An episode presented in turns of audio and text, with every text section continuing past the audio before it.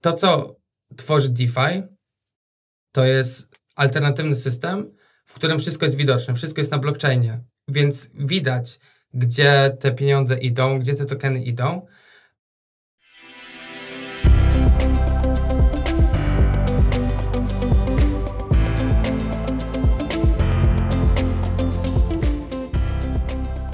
Cześć, witajcie w kolejnym odcinku Podróż po Web3. Naszym dzisiejszym gościem jest Piotr Duda, jeden z founderów Delta Prime. Cześć Piotr, dzięki, że do nas dołączyłeś. Cześć Maciek, cześć Łukasz. Super. E, to Piotr, powiedz nam i naszym słuchaczom troszeczkę więcej o tym, czym jest Delta Prime, tak dla, bo ja tak bardzo w skrócie cię przedstawiłem i, i, jesteśmy wszyscy bardzo ciekawi, czym jest Delta Prime. Rozmawialiśmy na początku, się tak poznaliśmy na kilku meetupach i, i w Warsaw, rozmawialiśmy na, na, na głównym wydarzeniu i Warsaw, no i wtedy y, to były okolice premiery. Trochę czasu minęło i teraz jesteśmy bardzo ciekawi, e, jak to się wszystko rozwija, więc przedstaw nam proszę projekt, czym się zajmujecie. Jasne, jasne, bardzo chętnie. E, po pierwsze chciałbym Was tutaj wszystkich też e, przywitać, słuchacze. Bardzo miło by tutaj, jest mi tutaj być. I kilka słów na temat tego, jaki problem chcemy w ogóle rozwiązać. Mm, problem, który widzimy jako Delta Prime, to jest tak zwany crypto lending, czyli pożyczanie, e, cały, e, cały ten ekosystem, jeśli chodzi o pożyczanie e, kryptowalut i ogólnie stablecoinów i tak dalej. Na razie najpopularniejsze są dwa rozwiązania. Jedno z nich jest bardzo popularne w takich tradycyjnych finansach, czyli takie bardziej scentralizowane pożyczanie, kiedy mamy jakąś instytucję, która ewaluuje ryzyko danej pożyczki i na tej podstawie daje jakiś tam credit line, czyli osoba ma dostęp do jakiejś tam linii kredytowej. E, no i w tym typie pożyczania jest duży, e, dużo ryzyka związanego z centralizacją i w tamtym roku e, pewnie osoby, które się interesują tematem widziały wiele razy, ile mm, tego typu pożyczanie może doprowadzić do, do problemów finansowych, niewypłacalności, kiedy nie możemy później ściągnąć tych pożyczek z powrotem. Dlatego DeFi, czyli tą działką, którą my się zajmujemy, ma jakieś tam swoje rozwiązania. DeFi to jest ogólnie Decentralized Finance, czyli zdecentralizowane finanse na blockchainie. I tam są takie protokoły jak Aave, jak Compound, w których możesz się po prostu podłączyć, nikt nie sprawdza, kim jesteś i możesz pożyczyć praktycznie prawie ile chcesz. Tylko problem jest taki, że musisz pożyczyć, dając zestaw inny token, bo jakby protokół musi mieć za zabezpieczenie tego, um, że ta pożyczka będzie spłacona i depozytorzy dostaną te pieniądze z powrotem. E, I to powoduje bardzo niewy, niewydolność tego systemu, bo zawsze musimy mieć więcej tego zestawu niż e, można pożyczyć, więc e, no generalnie to tak, tak jakbyś przyszedł do banku i chciał pożyczyć 1000 dolarów, ale musisz dać 1500 euro. No, dla większości zastosowań nie jest to jakieś najlepsze, najlepsze rozwiązania, szczególnie w inwestycjach. No jest to tak, Pożyczki dla bogatych, tak. E, oczywiście takie rozwiązanie ma sens, jeśli na przykład mówimy o hipotece, bo wtedy na przykład dajemy dom w zastaw, ale, ale my żyjemy w tym domu. No ale w przypadku... I on jeszcze nie jest nasz tak, tak do końca. Tak, dokładnie, dokładnie.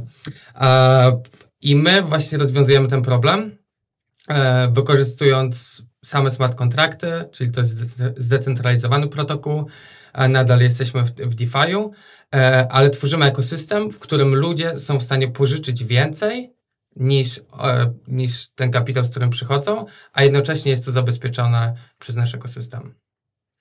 Mhm. A, y, dobrze, to, bo, bo to brzmi too good to be true. To jak, tak. jak to wygląda pod maską? Wiesz, no bo jeżeli standard y, w, w branży jest tak, że musisz mieć półtora razy za dużo, to, to dla naszych słuchaczy to wydaje mi się, że to metafora Lombardu jest dobra, no bo dlaczego miałbym pożyczać um, jakieś tokeny, jakieś krypto, jeżeli y, muszę zabezpieczyć je dużo większą wartością niż do tej pory, więc no, model jest taki, że nie chcę się tego pozbywać, ale chcę mieć coś innego w zamian, do, do, do, co mi zapewni jakąś płynność. Na przykład mogę samochodu nie potrzebować przez miesiąc, wstawię samochód, dostanę trochę kasy za ten samochód, ale to jest taki standard... Y, który się przyjął, wy chcecie z, zmienić ten model, tak? To znaczy wprowadzić coś nowego. I teraz jak to się odbywa u was, że to w ogóle może być możliwe?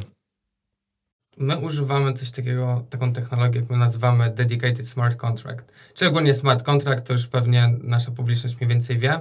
E, to jest ta taka encja, to jest taki program wykonywany na blockchainie. On jest zdecentralizowany, raz gdy jest zdeployowany na tym blockchain, on już tam zostaje i różne osoby mogą wy, wy, wykonywać e, jakieś akcje związane z tym smart contractem.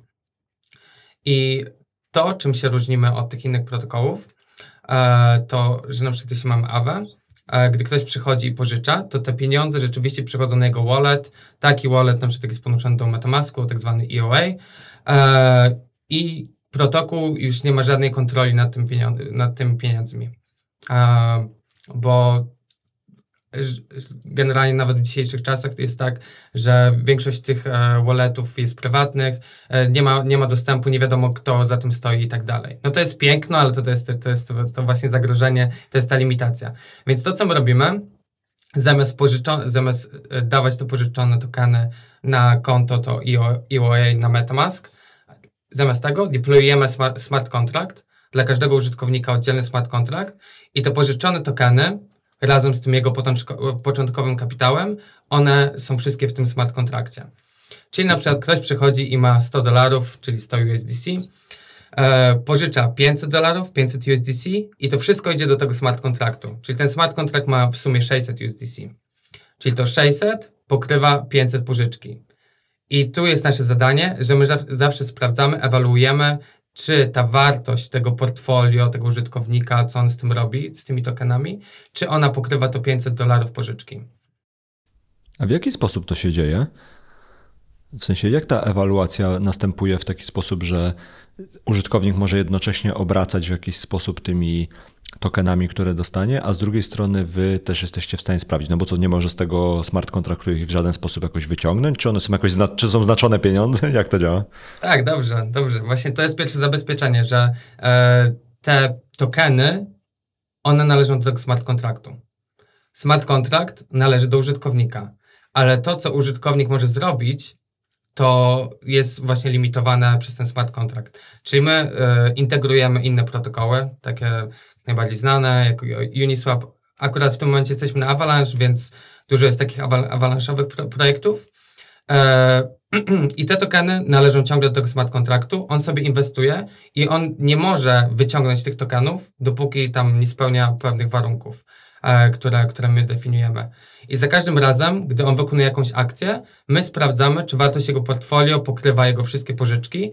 W międzyczasie boty likwidacyjne, tak zwane liquidation bots, like, y, y, jak w AWE, one cały czas ewaluują to portfolio i gdy, gdy jest gdy margines ten pomiędzy tym pożyczonymi a tym portfolio jest zbyt mały, one wtedy mogą wejść, spłacić część pożyczki i za to dostają nagrodę.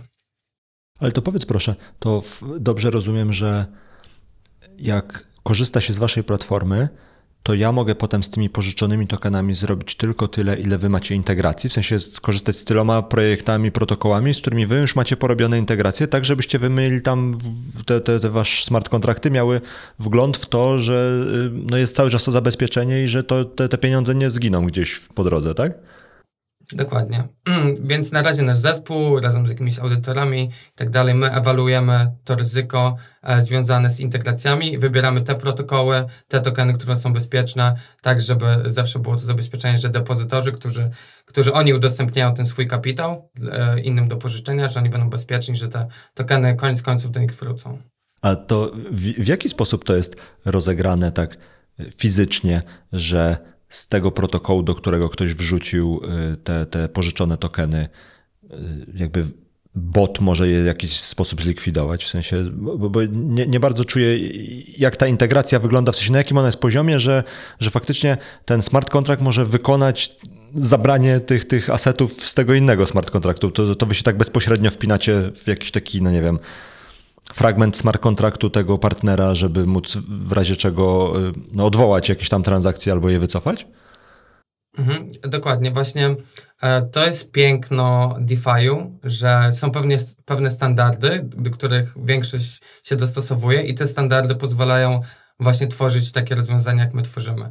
Czyli tym standardem jest właśnie ERC20 token, czyli ten taki najbardziej popularny token i praktycznie każdy protokół w jakiś sposób implementuje e, ten ERC20. I tu nie mówimy tylko o takich tokenach jak ETH, Ether czy jak Bitcoin i tak dalej, tylko mówimy też o tokenach, które mówią o udziale w danym protokole. Czyli na przykład mamy jakąś farmę, która tam farmuje, da, daje nam tam jakieś tokeny związane z danym APR i udział użytkownika w tej, w tej farmie jest wyrażony w tym jakimś tokenie tej farmy. Czyli na przykład Yieldiak, taki protokół, który, e, który zintegrowaliśmy, on ma taki e, token YRT, tak się nazywają te tokeny. Więc są te tokeny. Normalnie, jeśli użytkownik sobie sam używa, używa tego Yieldiaka, nie wykorzystując naszej platformy, to te tokeny przynależą do niego, czyli do jego walleta. Ale gdy używa przez Delta Prime, te tokeny należą e, do protokołu, do jego smart kontraktu. Więc ogólnie, jeśli chodzi już tak idąc trochę głębiej, jak wygląda ta likwidacja, przychodzi likwidator, widzi, że ok, to portfolio jest zagrożone, przekroczyło jakiś tam margines, to w tym momencie może spłacić część pożyczki ze swoich tokenów i w, i w, w zamian za to dostaje tokeny właśnie tych wszystkich farm i tak, tych wszystkich inwestycji e, danego użytkownika o wartości tego, co spłacił, plus bonus i ten bonus pokrywa te jego ryzyko związane z tym, że on przez chwilę ma te tokeny, musi jakieś tam e, wykonać transakcje, żeby powrócić do tych, do tych pierwszych, e, ale to też jest takie zabezpieczenie, żeby e, ograniczyć możliwość manipulacji ze strony tych botów likwidacyjnych.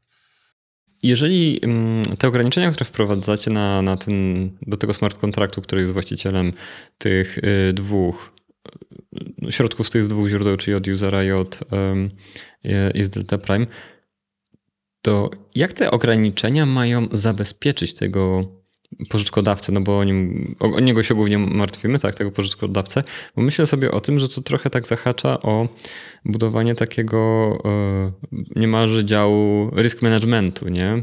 Znanego z e, takich standardowych instytucji finansowych i zastanawiam się, jak to się robi, no bo mm, jedną rzeczą jest zaprogramowanie smart kontraktów tak, żeby one wykonywały te rulesy różnego rodzaju, ale skąd wziąć pomysł na te rulesy? Jak, to, jak tym zarządzić, żeby to miało sens i było bezpieczne?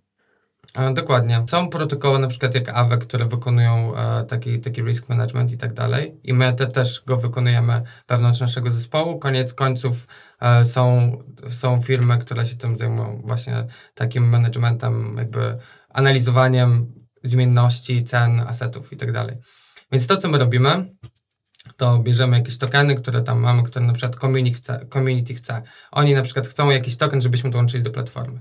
Powiedzmy, jesteśmy na Avalanche, no to jest e, Trader Joe i jest ich token Joe, taki dosyć znany. To, to, to, co my robimy, sprawdzamy w ilu miejscach ten token jest dostępny, e, bo im mniej miejsc, tym większe ryzyko manipulacji. Na przykład załóżmy, że mam tylko jedno miejsce, jedna jakaś giełda, no to jeśli ktoś ma dużą e, liczbę tokenów, to może bardzo manipulować e, ceną tego, tego Joe czego nie chcemy, bo jeśli, bo jeśli jest w stanie manipulować, to możliwe, że jest w stanie też wyciągnąć więcej pieniędzy niż tak, na, tak naprawdę powinien, albo depozytorzy mogą być stratni. Więc to jest, to jest pierwsze. Czyli sprawdzamy, czy to jest w kilku miejscach. Po drugie, badamy, jak w tych miejscach, w których ten token jest, jaka jest historia zmienności cen tego tokena. E, czyli e, jak to się zmieniało w czasie, czy na przykład były momenty, kiedy on skoczył 50% albo spadł 30% w ciągu, w ciągu 10 sekund, albo na przykład pół minuty. U nas taki limit likwidacji to jest, e, to jest minuta, dwie. Przy takich najbardziej skomplikowanych, żeby ten bot wszedł, tam on musi czasem te, te, te pozycje przygotować, trochę e, przygotować tą likwidację i na końcu wykonuje e, to, to spłacanie i uzyskuje te tokeny z powrotem. E, więc my analizujemy, czy w ciągu dwóch minut jesteśmy w stanie zlikwidować w najgorszym takim przypadku, jeśli ktoś jest, e, powiedzmy, z tym takim największym lewarem, jaki teraz po, e, pozwalamy, to jest 5x. Ale mamy możliwość definiowania tego per asset, czyli jeśli będziemy chcieli w przyszłości jakiś taki bardziej ryzykowny asset dodać, to też mam taką możliwość. Mhm. A jakie są w ogóle takie ryzyka, które, które bierzecie pod uwagę? No, opowiedziałeś o tej zmienności w czasie, potencjale na manipulację, ale, a jakie są ryzyka jeszcze takie, no bo to są jakieś takie rzeczy, które metody osiągnięcia jakiejś y, korzyści y, zbyt dużej dla siebie, a jakie są takie ryzyka, przed którymi chcecie uchronić depozytariuszy? jednym z największych ryzyk, z którym e, musimy się zmierzyć, to jest ryzyko e, exploitu, czyli tak, tak zwanego haku, e, czy to naszego protokołu, czy jakiegokolwiek protokołu, który jest wpięty do Delta Prime. Bo jeśli e, powiedzmy mamy jakiś protokół X, mamy depozytorów tokenu, e, nie wiem, na przykład if, e, to jeśli te tokeny tych depozytorów pójdą do tego protokołu, a on zostanie zhakowany, no to te tokeny giną. Jakby już jest dziura w systemie, tak zwany bad debt. Więc dlatego nie możemy, nie możemy za bardzo ryzykować tutaj. E, I po pierwsze wybieramy najbardziej popularne protokoły, które są zaudytowane, każda część kodu jest zaudytowana, e, które są już sprawdzone, więc im mniejszy protokół, tym mniej pozwalamy wrzucić do tego protokołu. E, mamy takie ograniczenie, że możemy limitować tak, exposure, nie wiem czy to po polsku się tak tłumaczy, ekspozycję. Ekspozycję? Czy, tak, ekspozycję naszego protokołu na, na te potencjalne, potencjalne exploity. E, niedługo też będziemy e, startować z naszym Stability Poolem i docelowe, docelowe właściwie mam dwa, dwie możliwości rozwiązań. Jedno to jest Stability Pool, który będzie pokrywał największą możliwą ekspozycję, czyli powiedzmy mamy protokół ABC i A jest największy, e, to będzie można nainwestować najwięcej w A, aż do tego limitu ekspozycji per protokół. Czyli nie będzie takiej możliwości, że jeden protokół jest e, zeksploitowany, a jakby depozytorzy ponoszą stratę, bo ten stability pool to, to pokryje. A druga taka możliwość, którą ostatnio też analizujemy, jest bardzo ciekawa, to, że e, wchodzą takie opcje na właśnie eksploity protokołów. Czyli można wykupić opcję na to, że, ten, że dostanę tam pieniądze, jak protokół zostanie zeksploitowany. To jest, to jest nowość, nowość na rynku DeFi, ale dla nas bardzo ciekawa, bo akurat my jesteśmy bezpośrednio takimi adresatami. To trochę tak, że jakby y, natura nienawidziła pustki i jak się okazuje, że można zarobić na exploitach, nie, niekoniecznie będąc y, exploiterem, to, to się pojawiają takie opcje. Ryzyko jak każde inne w sumie, nie?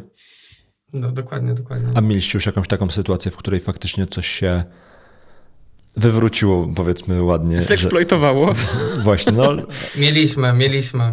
E, szczerze mówiąc, w takim dosyć, dosyć takim znacznym momencie, bo to e, my wystartowaliśmy 10 stycznia z naszą wersją betą, taką już, która jest bardzo bliska tego, jak chcemy, żeby ostatecznie ten protokół wyglądał.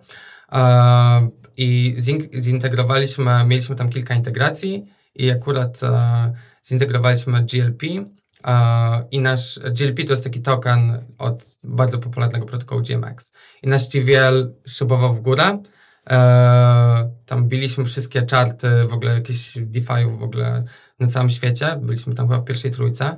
E, ale e, w międzyczasie e, jeden z protokołów, który zintegrowaliśmy, Platypus, został zeksploitowany. E, no i pojawił się problem. I w tym momencie właściwie i, i to, to było bardzo ciekawe, bo my byliśmy bardzo nowym protokołem, ludzie jakby wiązali z nami duże ryzyko i w tym momencie, co Platypus został e, zhakowany, większość protokołów na Avalanche zaczęło jakby ich to liquidity, jak to się mówi, ta ten ilość kapitału zaczęła spadać, bo ludzie się przestraszyli. No, to jest jeden z największych protokołów na Avalanche. E, ale nasz był jedynym, który nadal szedł w górę, pomimo E, tego, że e, my byliśmy jakby wyeksponowani, my mieliśmy e, właśnie zintegrowanego platypusa. Myślę, że to udało się osiągnąć dzięki temu, że mieliśmy bardzo taką transparentną komunikację. Od razu jak to się stało, sprawdziliśmy jaka jest ta ekspozycja, poinformowaliśmy użytkowników. Okazało się, że byłaby dziura. Byłaby dziura na 5000 dolarów. E, i poinformowaliśmy naszych użytkowników, że ok, w takim wypadku my teraz włączamy e, spread, czy spread to są takie powiedzmy e, takie prowizje i z tych prowizji pokryjemy to. I udało się to zrobić w ciągu kilku dni. My przetestowaliśmy sobie jakby ten system prowizji, okazało się, że wszystko ok działa i użytkownikom spodobało się, w jaki sposób podeszliśmy do tego tematu. Mhm. A powiedziałeś, że, że wam to rosło, ale co wam, co wam konkretnie rosło? Ileś depozytów na tym, czy jak? Ta, ta metryka TVL, czyli to, to Total Value okay. Locked, czyli jakby kapitał w całym systemie. Mhm. A powiedziałeś, że to było też y, dziura na 5000 dolarów, gdyby... Y, miała miejsce ta dziura, tak? I ją próbować właśnie, właśnie załatać i pokryć, tak? Rozumiem, że to po mhm. prostu chcieliście no, pokryć te straty, które wynikały z, z tego haka dla swoich depozytariuszy? Tak, e, bo jedno, bo tam było część, część tokenów było tych, którzy pożyczali, na przykład oni tam ze swoim kapitałem przyszli, no a część to było tych e, zdeponowanych przez depozytariuszy. No. Naszym celem głównym jest ochrona depozytariuszy, bo oni, oni to, to jest taki um, jak to się mówi, taka persona, która tak zwany low risk profile, czyli raczej, e, raczej nie, nie chce ryzykować za dużo inwestując w takie, takie protokoły jak nasz, e, ale często przychodzi z dużymi, z dużymi kwotami. Um, a pożyczający to jest bardziej taki risk seeking uh, profile, czyli tacy aktywni inwestorzy, którzy właśnie wyszukują tych jakichś nowych farm, e, zarabiają na tych wysokich APR-ach, ale biorą jakieś inne ryzyko na siebie mm, związane tam ze zmiennością, zmiennością cen tokenów. Czy ja dobrze rozumiem, że de facto to, co zrobiliście, to jest załataliście te 5000 dolarów dziury tym, że użytkownicy, którzy robili operacje w waszym ekosystemie, zaczęli mieć doliczane po prostu fee, które to mhm. fee zamiast do swojego skarbca przekierowaliście na pokrycie tej dziury, która powstała w wyniku tego, że no te depozyty wyparowały przez exploit, tak? Tak, tylko e, te prowizje e, to nie były prowizje tak, tak zwane transakcyjne, czyli że na przykład ktoś wykonuje transakcję na 100, 100 Ether, to tam na przykład pół procenta jest mu zabierane automatycznie, tylko to jest tak zwany spread, czyli różnica pomiędzy e, tym APR, które dostaje depozytor, a pomiędzy tym, które płaci pożyczający. Czyli tam jest po prostu taka różnica, to nie jest, to nie jest tak zupełnie zbalansowane i to powoduje, że jest generowany zysk. Okay. A jakby ten exploit był na 2 zera więcej albo na 3 zera więcej, to też dałoby się to z tego zrobić? Czy wtedy musielibyście po prostu wymyślić jakiś inny patent? No, wtedy to za, zabrałoby odpowiednio więcej czasu, więc e, no to, jest, to jest największe ryzyko, z którym takie protokoły jak nasz się, się mierzą, e, więc dlatego właśnie e, pracujemy nad rozwiązaniami, które, takie jak, jak na przykład opcje, e, które już tak zabezpieczą bardziej długodystansowo z większym kapitałem. A teraz, teraz mówimy o kapitale, mamy akurat w protokole około 16-17 milionów dolarów, no ale jak to będzie miliard, to, to już wiadomo, to już inaczej trzeba podchodzić do takiego ryzyka. Jak tak z zespołem analizujecie sobie projekt i myślicie o jego jakichś tam dalszych krokach, to co wy jako zespół widzicie jako potencjalne takie największe ryzyko, ale takie śmiertelne, w sensie takie, że po którym protokół się może nie podnieść. W sensie, bo, bo wiesz, ja widzę tutaj, tak jak rozmawiamy, widzę ileś takich ryzyk, które są mniejsze bądź większe, one będą kosztowały pieniądze tego lub y, innego mhm. Y, aktora tutaj w całym tym ekosystemie. A, a, a, co może być takim, takim wiesz, y, ostatecznym taki, takim tym fatality dla was, że, że po czymś takim już no, no nie uda się podnieść? Co to by mogło być? Myślę, że jak, jak nasz kod byłby e. Czyli jeśli my nie wykonalibyśmy odpowiednio dobrego przygotowania kodu, na przykład nie byłby zaudytowany odpowiednio i tak dalej i okazałoby się, że na przykład da się wyciągnąć pieniądze z pola, że każdy może wyciągnąć, każdy może sobie pożyczyć e, kto chce. I dlatego właśnie wykonujemy audyty e, co jakiś czas z taką dosyć znaną firmą Packshield, ale też e, wykonujemy jakieś tam wewnętrzne review i takich mamy powiedzmy takich wewnętrznych audytorów. Właśnie to jest, to jest też piękno tego protokołu, że to ryzyko się rozkłada, bo część osób inwestuje tu, część tam i tak dalej, więc nawet jak coś zostanie zeksploitowane, to to jest jakaś tam część tego liquidity i z czasem to można pokryć. No ale jak my zostaniemy zhakowani, no to też oczywiście stracimy zaufanie community, że wiemy co robimy e, i to, to chyba jest największe ryzyko, tak e, jak ja to widzę. A jest jakiś sposób na na, na taki, w jakikolwiek sposób na zabezpieczenie się w, w takiej sytuacji, w której ktoś te, ten wasz kod by zhakował i wyciągnął te, te pieniądze, które, czy te tokeny, które są zdeponowane. No bo na przykład z tego, co czytałem, no to USDC robi takie patenty, że blacklistuje skradzione USDC, czyli te takie coinodolary, y, żeby nie dało się ich używać, no nie? Czy, czy, czy są jakieś takie patenty, które, którymi można... może nie tyle, że zapobiec, co zniechęcić na tyle, żeby ktoś stwierdził, że no nie ma sensu, bo jak nas potem właśnie tam zblacklistują, to i tak nic z tym nie zrobimy, więc szkoda zachodu. Może to jest troszkę lekki taki off-topic, ale my trochę mamy taki patent e, w naszym systemie. No to jest tak, bo jest to ewaluacja tego portfolio, robimy jakieś tam skomplikowane rzeczy i tak dalej, więc e, teoretycznie jest jakaś możliwość jakiejś pomyłki, ale żeby zabezpieczyć tak bardzo prosto naszych depozytorów, na koniec każdej transakcji sprawdzamy, raczej w momencie, gdy ktoś chce wypłacić tokeny e, ze swojego konta. To jest najbardziej ryzykowna operacja. E, bo jeśli, bo jeśli nagromadził tam tokeny, których nie powinien mieć, no to może wyciągnąć token depozytorów.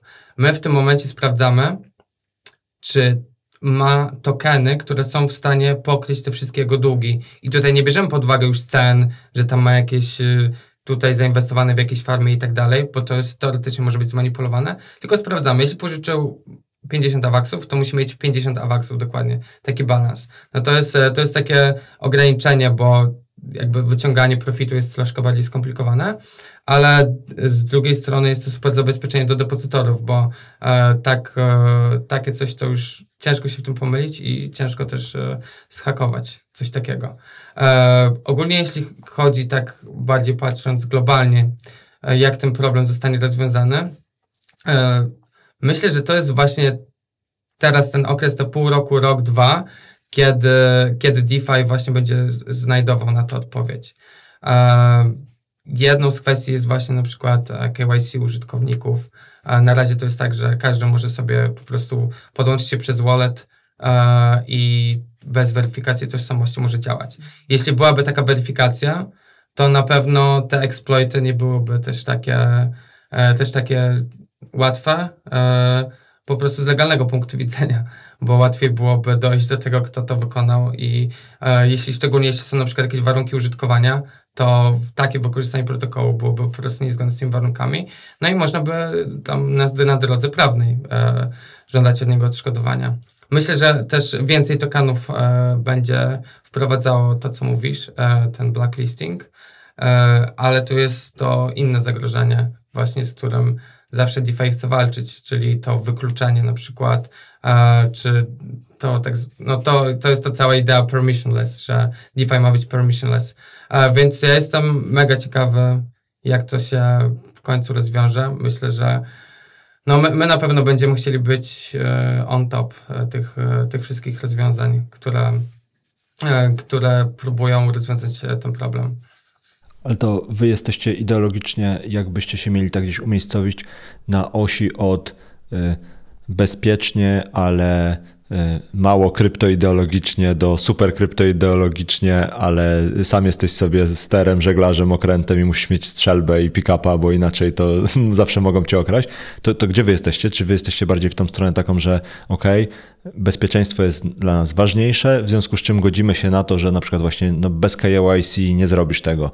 Y, czy, czy raczej jesteście tak w tej opcji, że stracisz to stracisz, ale anonimowość jest najważniejsza dla nas? Obecnie jesteśmy tak właśnie w tym kierunku anonimowość freedom.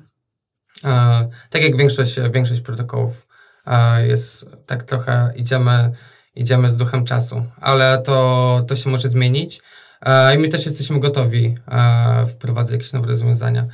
To, co rozważamy teraz, to, tak, to stworzenie dwóch wersji. Jedną e, właśnie taką z KYC, taką bardziej nastawioną na instytucji albo na graczy, tam, którzy chcą mieć większe zabezpieczenie tego, co robią, a druga taka wersja e, bardziej, jak to się mówi, degen, e, czyli taką, jak ci nasi userzy DeFi'owi obecnie najbardziej akceptują, czyli, czyli, czyli po prostu otwarte dla wszystkich, ale też te reguły e, są troszkę bardziej niebezpieczne. Mhm. A powiedz w ogóle, skąd u Was narodził się ten pomysł na to, żeby zrobić ten, ten protokół taki pożyczkowy, nazwijmy go, ten, ta, ta część DeFi'a no to jest bardzo duża część krypto, no nie?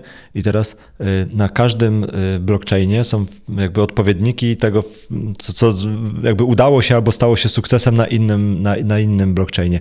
I teraz to, co mówisz, to to, co robicie jako Delta Prime, trochę się różni od tych najpopularniejszych y, projektów, które są na, na Ethereum czy tam na inny, w innych ekosystemach.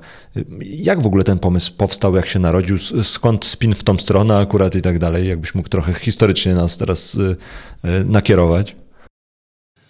E, tak, rzeczywiście nawet w obecnym momencie, znaczy dużo się mówi o tym problemie, ale mało, mało, jest, e, mało jest rozwiązań w tym kierunku. Bo to, że to tak zwane over-collateralization, czyli to, jak te protokoły działały dotychczas, czyli że zawsze zastaw musi być większy niż pożyczka, e, to, to jest wiadomy problem w DeFi od lat.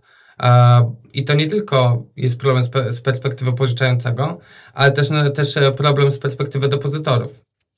Bo ponieważ ten kapitał nie może być nie jest, nie jest taki efektywny, wydajny, nie można, bo pożyczające nie, nie są w stanie za niego dużo zapłacić, tak powiedzmy. Czyli na przykład e, te APR, które te wynikają z, z tego, jak oni bardzo chcą pożyczyć, są, są niskie. Na przykład mówimy y, o 1-2%, max 3% w takich tradycyjnych protokołach. I to, to jest problem, bo, bo jeśli mówimy o takich zarobkach jak 2%, to jest wiele rozwiązań takich tradycyjnych finansowych, które, e, które są bardziej wydajne. Dla, i, I dzięki temu, raczej przez to, ten kapitał nie będzie, nie będzie długofalowo wpływał do, do DeFi, bo ludzie zaczną tak, e, tak myśleć o swoim ryzyku i, po, i powiedzą, że ok, no to tradycyjne rozwiązania są lepsze. Więc to jest problem, który jest znany. Ale problem, który nie był jak na razie łatwo rozwiązywalny. E, między innymi ze względu na to, jak się dostarcza e, informacje do blockchaina, e, informacje z zewnątrz. To jest taki serwis, który się nazywa, raczej taki grupa serwisów, typ serwisu nazywa się Oracle. Czyli to jest serwis, który dostarcza jakieś tam informacje z zewnątrz i one są dostępne na blockchainie.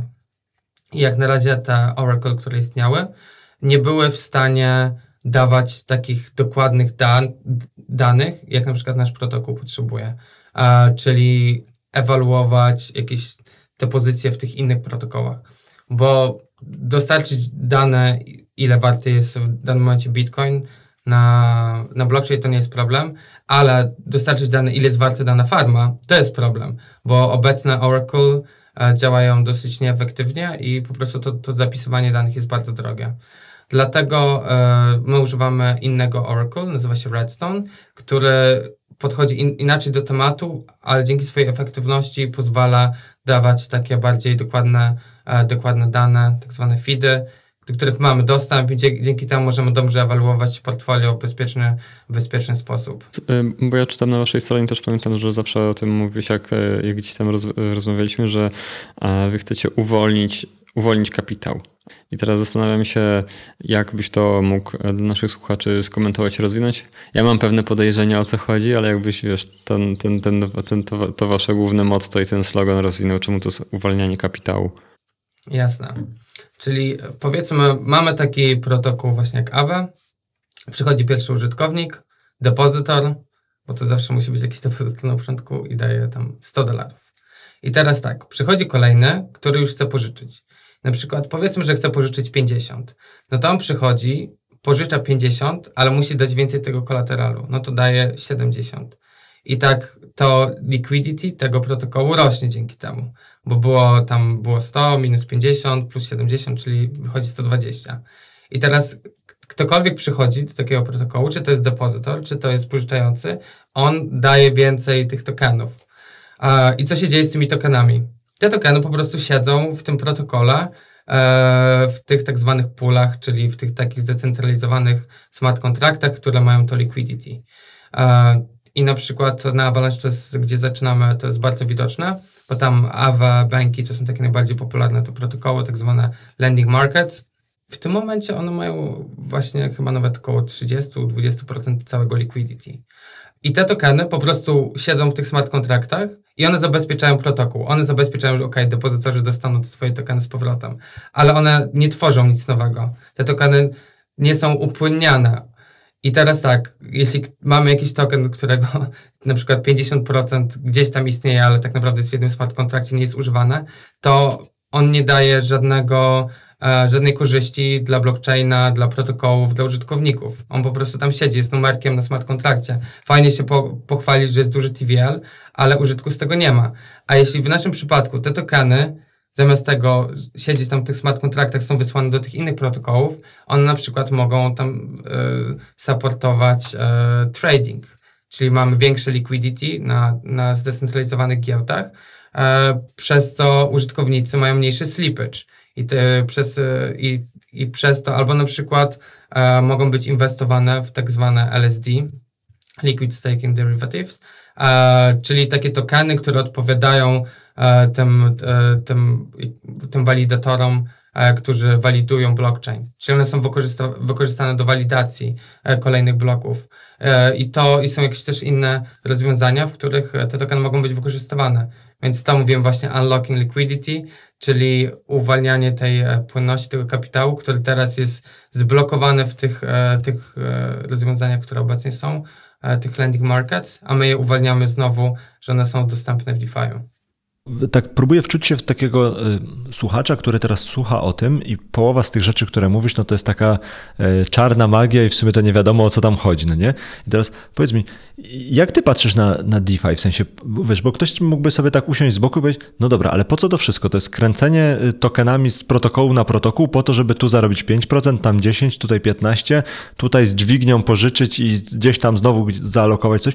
W sensie, widzisz, po co ten DeFi miałby funkcjonować? No bo wiesz, ta, ta obecna Bessa też trochę pokazała, y, no, nie chciałbym tak mocno mówić, że wiesz, jakiś bezsens DeFi czy coś takiego, bo, bo to pewnie jest dużo za dużo, ale no z punktu widzenia takiego, y, z punktu widzenia naszych rodziców, to jakby ten DeFi nie istniał, to nic by się nie zmieniło na świecie, no nie? To jakbyś tak powiedział, jak z twojej perspektywy, y, po co jest ten DeFi i co on daje, poza tym, że można kręcić tokenami w jedną i w drugą stronę i przy okazji ktoś na tym zarabia, a ktoś traci?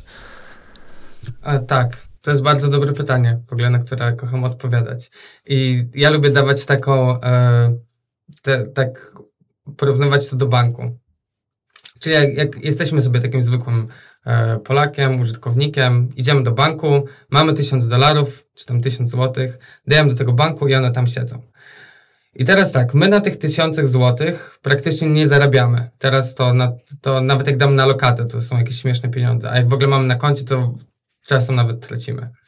E, a bank bierze sobie te pieniądze i większość z nich reinwestuje i tak naprawdę e, pożycza innym tam pożyczkobiorcom i zarabia na tym dosyć e, pokaźne pieniądze. Czyli tak naprawdę te pieniądze, które, które my dajemy do banków, które deponujemy, one w dużej części są później wykorzystywane przez bank i taki to jest w ogóle właśnie system finansowy. I przez i właśnie najlepsze jest to, że ludzie, my jako klienci to akceptujemy. My to akceptujemy, bo my tak naprawdę o tym nie wiemy. E, w sensie, ktoś da, tworzy konto w banku, to się nie zastanawia, co z tymi pieniędzmi, pieniędzmi jest. E, wszystko jest ok, jeśli zawsze może je wypłacić. E, ale jak się okazuje ostatnio, nie zawsze może je wypłacić. I, różni, i teraz na przykład tam rząd amerykański ratuje e, te banki, na przykład w Silicon Valley, e, ale co by było, gdyby, gdyby nie był w stanie uratować, albo gdyby powiedział, ok, w sumie to już niech lepiej ten bank upadnie. Więc ci depozytorzy wcale nie są, nie są tak dobrze chronieni. To, co tworzy DeFi, to jest alternatywny system, w którym wszystko jest widoczne, wszystko jest na blockchainie, więc widać, gdzie te pieniądze idą, gdzie te tokeny idą i ludzie, którzy chcą sobie, sobie zostawić ten swój depozyt, są w stanie uzyskać dużą większość wart, dużą, dużo większy profit z tego, że oni deponują, e, niż w takim tradycyjnym systemie bankowym, który właśnie przez to, że jest nieprzejrzysty, może e, wykorzystywać sobie te, e, te środki jak chce. E, a teraz właśnie to, co mówiłeś o tej e, o tej piask... Ja tak trochę widzę, że to jest taka DeFi, to jest taka piaskownica i tak sobie my wymieniamy i te tokeny sobie tak krążą. I rzeczywiście trochę tak jest. Myślę, że to wynika głównie z tego, e, że jesteśmy na samym początku tego, jakby tego tworzenia tego DeFi, tego całego systemu. I on, ten blockchain jeszcze nie jest tak bardzo połączony do takich powiedzmy, jak to się mówi, real world assets. Czy to są na przykład e, e, stocks, czyli jakiś tam, czy jakiś kapitał, e, kapitał firm, czy to są jakieś, e, nie wiem, budynki, czy cokolwiek. Ale te, te rozwiązania już e, powoli wchodzą. I dzięki temu ten system taki tradycyjny, finansowy, czy przemysł i tak dalej, będzie połączony, będzie miał takie wtyczki do blockchaina, ja to tak przynajmniej widzę. E, I to, co się dzieje na blockchainie, będzie bardziej odpowiadało temu, co się dzieje na zewnątrz i w drugą stronę. E, czyli te, to będzie tak działało e, w jedną i w drugą stronę i, te, i ten system będzie taki płynny. Ale to będę teraz tro, trochę się będę bawił w takiego adwokata diabła, dobra? Bo dobra, dobra. Dla odmiany. Piotrek, dla, dla odmiany.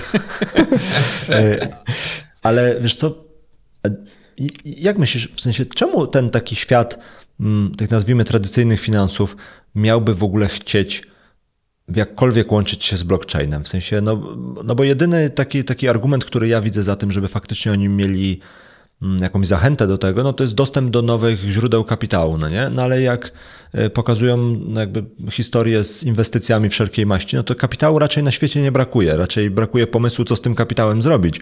Więc zastanawiam się, po co jakiś, wiesz, no nie wiem, Citibank gdzieś w Nowym Jorku miałby chcieć mieć wtyczkę do Avalanche'a po to, żeby dostać się do kapitału, który jest tam zgromadzony, jak to dla niego są pieniądze, które są, no może nie to, że niepotrzebne, no ale no, one niewiele zmieniają z perspektywy takiego, tej wielkiej czwórki banków, na przykład amerykańskich, no nie? Myślę, że w obecnym czasie nie ma takiego systemu, takiego jak blockchain, który jest który jest w stanie zapewnić przepływ tak szybki kapitału z jednego miejsca na, na drugie i tworzyć w ogóle rozwiązania jakieś finansowe z tym kapitałem i do którego każdy się może połączyć. Właśnie ja widzę blockchain, no ja, ja pochodzę z DeFi, już tak powiem, więc y, patrzę z tej strony. Narodowości DeFi jest. Gaming i tak dalej. Narodowość DeFi. Więc ja, ja, patrzę na to tak właśnie finansowo. Nie ma takiego, jak można powiedzieć, takiego common layer, layer dla finansów. I jeśli sobie pomyślimy o tym, jak to będzie wyglądać w przyszłości, na przykład za 50-100 lat, to ja osobiście jestem pewien, że jakiś taki layer powstanie. I wydaje mi się, że blockchain obecnie jest najbardziej obiecującą technologią do tego, żeby mieć jakiś taki, mieć taką, taki layer, taką strukturę, taki ekosystem, do którego każdy może się wpiąć i w którym te, ten kapitał może płynąć dużo bardziej wydajnie, wydajnie niż to jest obecnie. E, I e, generalnie ja już to sam widzę, bo sam też jestem w krypto i na przykład e, jestem płacony w krypto, tam w stablecoinach i najwięcej czasu zajmuje mi później to wrzucenie na, na przykład na konto bankowe, z jednego konta bankowego na drugie i tak dalej. I to trwa dni, ale e, na blockchainie to trwa, to trwa 10 sekund albo kilkadziesiąt sekund. I niezależnie jaka to jest kwota. I mi się wydaje, że to jest to, jest to piękno. E, czyli taka, taka struktura, która pozwala na przepływ praktycznie nieograniczony kapitału i jeszcze do, na dodatek tworzone jakieś rozwiązania finansowe, na, które są programowalne, e, widoczne dla wszystkich i dzięki temu bezpieczne. E, to, co bym jeszcze powiedział, bo właśnie e, też trzeba, też trzeba sobie uświadomić, że blockchain e, ma, ma, ma dużo swoich ograniczeń, e, dlatego że to nie jest szybka sieć. E, I jak, jeśli scentralizujemy blockchain, to, to właściwie on będzie szybszy i tańszy. Ale przez tą decentralizację on jest, blockchain jest bardzo bezpieczną siecią bo bardzo ciężko jest hakować, bardzo ciężko, nie ma jednej osoby, która kontroluje, tu nie ma jakiegoś takiego punktu, że ktoś tu wejdzie i coś, i coś tam popsuje. E, I dlatego właśnie z tego powodu widzę blockchain jako taką, jako taką przyszłość, że taki secure layer dla finansów. No tak, tylko wiesz, te wszystkie argumenty, które mówisz jako zalety, one są tak naprawdę mieczem obosiecznym, obusiecznym, jakkolwiek się mówi, bo no to, że nie ma jednego aktora powoduje też to, że jak jest exploit, to trzeba się pożegnać z tymi pieniędzmi na przykład, no nie? No bo nie ma jakiegoś takiego kroku na drodze, że ktoś może zatrzymać te pieniądze, tak jak jest na przykład w systemie, e, no powiedzmy takim tradycyjnym, że no powiedzmy jakbyś był hakerem i ukradłbyś gdzieś pieniądze, to jeżeli one by przechodziły przez jakieś miejsce i byłoby podejrzenie, to ci zatrzymają te pieniądze i jest szansa, że na przykład uda się je odzyskać w całości albo coś w tym stylu, no nie?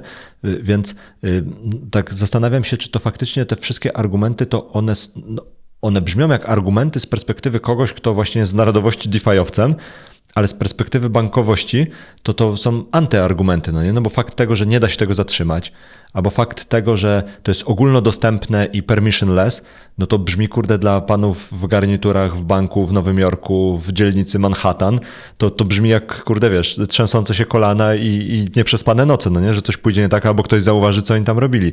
Więc zastanawiam się, czy, czy, czy to nie są właśnie kontrargumenty dla, dla tego, żeby system tradycyjny się w jakikolwiek sposób łączył z bankowym takim DeFi'owym, no nie? Mhm. Szczerze mówiąc, e, właśnie ostatnio jak byłem na evencie, e, takim tam i w Dubaju, w Dubaju, też rozmawiałem z innoma, in, innymi founderami i też właśnie podnosiłem to, co mówisz. Właśnie z tej, z tej twojej perspektywy, bo ja się 100% w to z tobą zgadzam, że żaden pan z garniturem w garniturze nie przyjdzie i nie wrzuci tutaj e, dwóch miliardów, jeśli będzie ryzyko takie, że te pieniądze mogą gdzieś gdzieś zaginąć i już są bezpowrotnie, bo dlatego, że jakiś, jakiś koder coś tam napisał i się, i się pomylił. Więc to jest na pewno coś, co będzie, będzie musiało być rozwiązane. Jedno, na pewno e, te, ta cała struktura tego zabezpieczania tego kodu i tak dalej, tu jest e, dużo postępu, jest bardzo dużo tych firm audytujących i dużo jest też e, takich firm, e, które nie wykonują tylko takiego ręcznego audytu kodu, czyli takiego review e, tego, co tam jest, ale też, e, te, też to automatyzują. Ale ja osobiście uważam, że to też będzie e, rozwiązane jakby na protocol, taki, taki w sumie taki na tym takim całościowym layerze, że będą takie rozwiązania, że nie będzie takiego, takiej możliwości, że ktoś skakuje i te tokeny są bez, bez um, bezpowrotnie stracone. I myślę, że jak ktoś, ten, kto to rozwiąże, to nieźle na tym zarobi. Coś w stylu ubezpieczenia od haków, tak? Od exploitów? Nie, znaczy, ja, ja to bardziej widzę, że. Czyli od przechwyconych. Ten, tak, że będzie ten taki element permission, e, który, który będzie pozwalał na przykład e, cofać jakieś transakcje e, z, z jakichś tam powodów. Ale to myślisz, że na poziomie blockchainów takie, takie rzeczy będą jakby zaimplementowane, że po prostu, nie wiem, będzie jakiś mechanizm, który będzie pozwalał odwrócić jakąś transakcję albo ją zablokować na, w jakimś takim czyśćcu, nazwijmy to?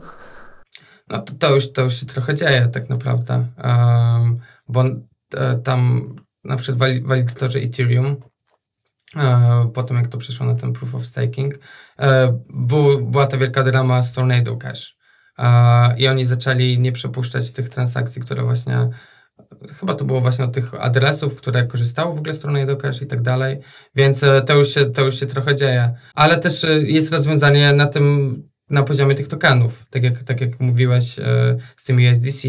I to, jest, I to jest e, ten problem, jak to rozwiązać, jak stworzyć taki system, który jest wystarczająco zdecentralizowany, że właśnie daje bezpieczeństwo wszystkim, a z drugiej strony ma możliwość, e, że tak powiem, cofania. Byli tacy, którzy próbowali robić blockchainy, które w sumie nawet się mogą cofnąć. I nawet Ethereum w sumie to obecne też przeszło przez taki, przez taki okres. Ale nie sądzę, że to będzie, to będzie takie rozwiązanie, że to jakby, że wydaje mi się, że te transakcje, jakby one zawsze będą zapisywane, ale na przykład będzie możliwość wycofania efektów jakąś inną transakcją, a nie tak, że na przykład cały blockchain nagle, okej, okay, ten blok to jednak nie, to się nie decydujemy na niego.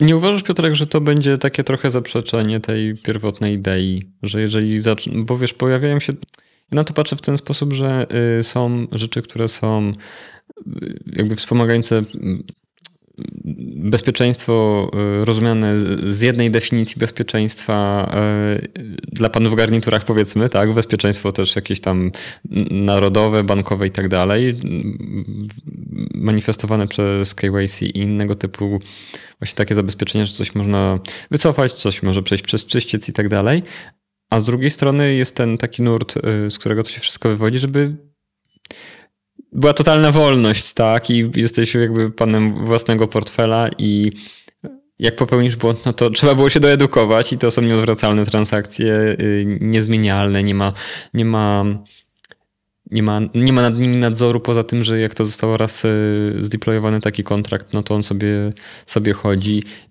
i jest dużo takich e, głosów e, krytycznych do tych wszystkich mm, nowych postulatów z KYC i tak dalej, że to jest zatracanie tego, co było na początku. Ja tak trochę e, pod włos pytam, oczywiście, no bo są każdego rozwiązania plusy i minusy, więc jestem ciekawy, jak się na to zapatrujesz, czy to jest bardziej pożyteczne, czy to jest zło konieczne raczej, może tak.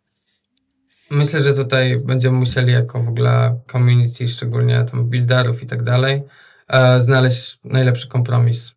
Że pójście w żadną ze skrajności e, nie, nie będzie tworzyło jakby blockchainu dobrym miejscem. I tak jak e, właśnie jest ta skrajność, taka, taki totalny freedom, E, myślę, że użytkownicy już są trochę zniechęceni tą skrajnością, e, biorąc pod uwagę ile, ile no, haków zdarzyło się w tamtym roku na przykład, ale ile w ogóle jakichś skamowych projektów e, wypuściło jakiś token, później zreagowali i tak dalej. Bo chociaż wszystko jest na blockchainie, to nie każdy oczywiście jest tutaj jakimś smart contract audytorem i nie każdy użytkownik sobie sprawdzi i udowodni sobie, że, że ten smart contract jest bezpieczny. Nie każdy, czyli żaden. No nie każdy, nie no, są, są cowboye, są tam cowboye DeFi, którzy sprawdzają. Nie, na przykład na, na, nasz kod, to też y, tam już ludzie patrzą, community patrzy, co tam się dzieje i komentują. Jest y, bardzo fajnie. A, a jest, a jest też e, druga skrajność, czyli taki totalnie zamknięty system, totalnie permission, możemy wszystko cofać i tak dalej. No ale wtedy trochę w ogóle blockchain jako, jako struktura wydaje mi się nie ma aż tak dużo sensu. Zależy ile osób, ile osób to łączy, kto, kto ma wtyk, ale takie totalnie prywatne blockchainy, one nie są też y, zbyt wydajnym jakby rozwiązaniem, bo to, bo ci walidatorzy, to dodawanie bloków i tak dalej, no to, to jest wszystko stworzone pod to, żeby ten system był wystarczająco zdecentralizowany, żeby nie było go łatwo, nie, nie, nie było go łatwo oszukać i żeby sobie nikt tam nie mógł samemu coś tam pozmieniać, tylko żeby to było jakby kworum ludzi, którzy mają podobne tam incentywy, żeby oni decydowali, co będzie, będzie się działo w przyszłości. A to jak y, liznęliśmy tego tematu prywatnego blockchainów, to o czym moglibyśmy go trochę pociągnąć? No bo właśnie teza i obietnica jest taka, że te prywatne blockchainy są ultra szybkie w stosunku do publicznych blockchainów i można nimi sobie robić operacje między konsorcjami firm, które potem są e, znane, opanowane, e, be, bezpieczne i szybkie, bo służą do jakichś takich, wiesz, korporacyjnych e, wymian danych na poziomie olbrzymich ilości jakby operacji, tak, rekordów. I yy, czy, czy, czy Hyperledger jest takim, mieliśmy parę odcinków o, o, o Hyperledger, jestem ciekawy, jak ty się na to zapatrujesz. No okej, okay, z DeFi'a przychodzisz, yy, masz w paszporcie wpisane Origin DeFi, yy, więc może to trochę jest odległy świat, ale jestem ciekawy, jak się na to zapatrujesz, jak już, yy, yy, jak już yy, wspomniałeś o tym temacie. Czyli używanie blockchaina jako, jako taki użytkownik, który przychodzi, zresztą wykonuje transakcję, no to on ma to zabezpieczenie, że to jest wystarczająco zdecentralizowana sieć, że nie zostanie oszukany. I teraz tak, jeśli chodzi o prywatne blockchainy, to jest podobnie. E, jeśli mamy na przykład uniwersytet albo jakąś instytucję, Poczta Polska tworzy swój blockchain i sobie działa tylko sama w tym blockchainie, e, ja osobiście nie widzę w tym za bardzo sensu, dlatego że to nie jest zbyt e, dlaczego by nie mieli używać tego bazy danych, czy jakiegoś takiego bardziej szybkiego, wydajnego rozwiązania. Ale im więcej przychodzi jakichś mm, klientów do tego blockchaina różnych, z różnymi jakimiś potrzebami, tym bardziej to ma sens. Więc e, uważam, że prywatne blockchainy znajdą swoje zastosowanie, jeśli, jeśli one będą wystarczająco, gromadziły wystarczającą liczbę klientów. Czyli jeśli mamy na przykład trzech klientów, no to i oni sobie tworzą swój blockchain, to, to nie widzę szczerze mówiąc zastosowania. Ale jeśli na przykład ileś tam banków powoduje, decyduje się, o, że oni chcą mieć, chcą mieć razem jakiś tam swoją prywatny tam layer, do którego tam będą wykonywać jakieś, tam będą wykonywać swoje operacje, to, to ma więcej sensu. A to powiedz, skąd u Was wpadło na Avalanche'a, bo jesteś chyba pierwszym historycznie gościem w naszym podcaście, który ma projekt na Avalanche'u, więc jestem ciekawy, mhm. jak ten proces decyzyjny wyboru właśnie Avaxa, jakby, jak padło na niego? Avalanche dla takiego projektu jak mój jest e, fajny z dwóch powodów. Jeden to jest GTM, czyli tam Go to Market Strategy. W przypadku Ethereum, jeśli mamy jakiś produkt, i ktoś chce wystartować, to trzeba wziąć pod uwagę, że on tam e, konkuruje z największymi graczami. Szczególnie w takiej, sytuacji, w takiej sytuacji, jak jesteśmy obecnie, kiedy jest bear market, ciężko jest e, do, dotrzeć do aktywnych użytkowników DeFi'a. I to, co my robimy, to my komunikujemy się bezpośrednio z nimi, używając protokołów, którzy, które oni już używają, a dzieje się to na podstawie partnershipów, które z tymi protokołami e, tworzymy. Czyli jeśli byśmy poszli na Ethereum, to i powiedzieli, o, mam tutaj taki super projekt, poszli do Uniswap, e, o, czy chcecie zrobić, zrobić z nami partnership, no to wiadomo, szanse powodzenia byłyby nikłe, szczególnie na samym początku. Ale jeśli zaczynamy od mniejszego miejsca, jakim jest Avalanche, e, to jesteśmy w stanie ustalić te partnership i jakby startujemy z trochę, z trochę wyższej półki niż jakbyśmy to robili na takim dużym ekosystemie jak Ethereum. Przepraszam, to tylko powiem, co zrozumiałem, bo, bo nie wiem, czy dobrze zrozumiałem, to popraw mnie, jeśli dzisiaj mylę. E, na, przez to, że Avalanche jest mniejszy i ta, to się chyba nazywa Avalabs, tak? Ta, ta instytucja, która no jakby jest tym strażnikiem i animatorem całego ekosystemu, y, przez to, że oni biorą dużo bardziej aktywną, y, znaczy mają bardziej aktywną rolę w całym ekosystemie, to oni po prostu animują łatwiej te partnershipy i te jakby taką akcelerację tych projektów, żeby je zachęcić, a w Ethereum no to jest już bardziej taka wolna amerykanka i musisz sobie wszystko sam wychodzić, bo, bo nie ma za bardzo do kogo się zwrócić o to, żeby ci ktoś pomógł w jakiś sposób albo no, zbustował ten projekt, tak? Mm, to też, ale bardziej bym się skupił na tym, że te projekty są bardziej osiągalne po prostu, bo są, bo są trochę mniejsze. W tym ekosystemie są duże, ale generalnie jakby w, cało, w całości DeFi'a są mniejsze. Na przykład jak mówimy o jakimś Curve, na przykład takim protokole, no to on jest na kilkunastu chainach i tak dalej, no to y, ciężko jest z nimi zbudować jakiś sensowny partnership, jeśli my jesteśmy jednym z miejsc, w którym oni występują i to jeszcze nie na nie największym. Okay. miejscu. Okej, okay. że jest jeszcze drugi jedno. element.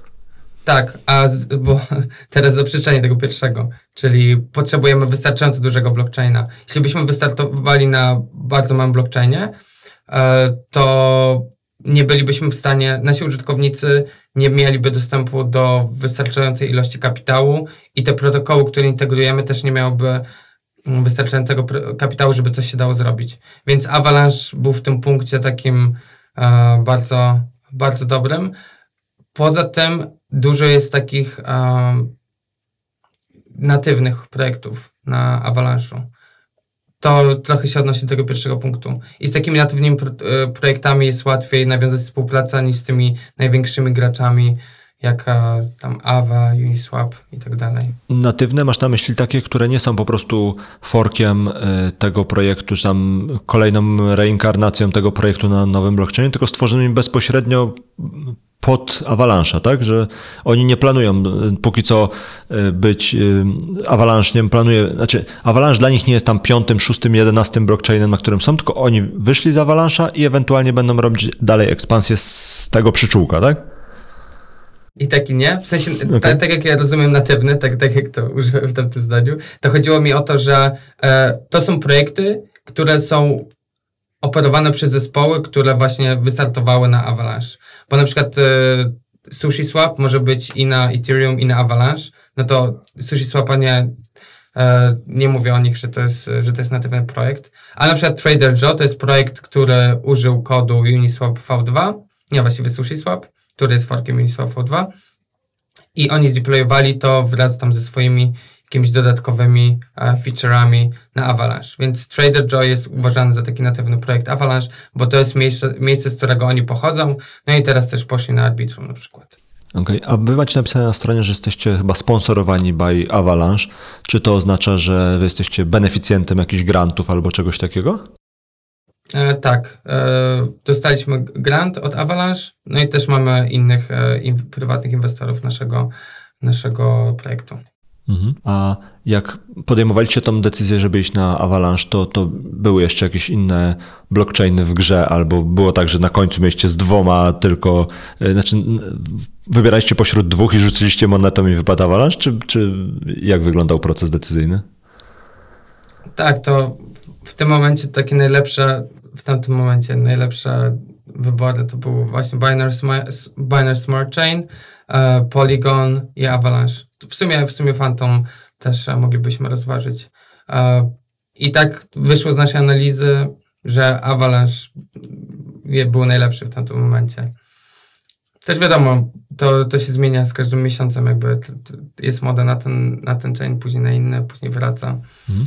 A jak patrzycie na to, że no, tak jak Solana legendarnie się zatrzymywała, no to z Avalanchem też były jakieś incydenty jako z blockchainem, tam z tego co gdzieś ostatnio mi mignęło na Twitterze.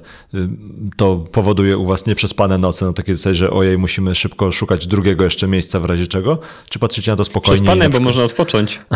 Albo tak. Y, czy, czy to jest tak, że, że to community jakoś jakby sensownie to tłumaczy i, i, i wiadomo, co się wydarzyło i, i jakby nie boicie się tego? Generalnie się nie boimy. Na pewno nie jest e, to dobrze, dobrze że to się e, wydarzyło. To był update e, e, kodów, którego używają walidatorzy i część walidatorów została tam e, wykluczona.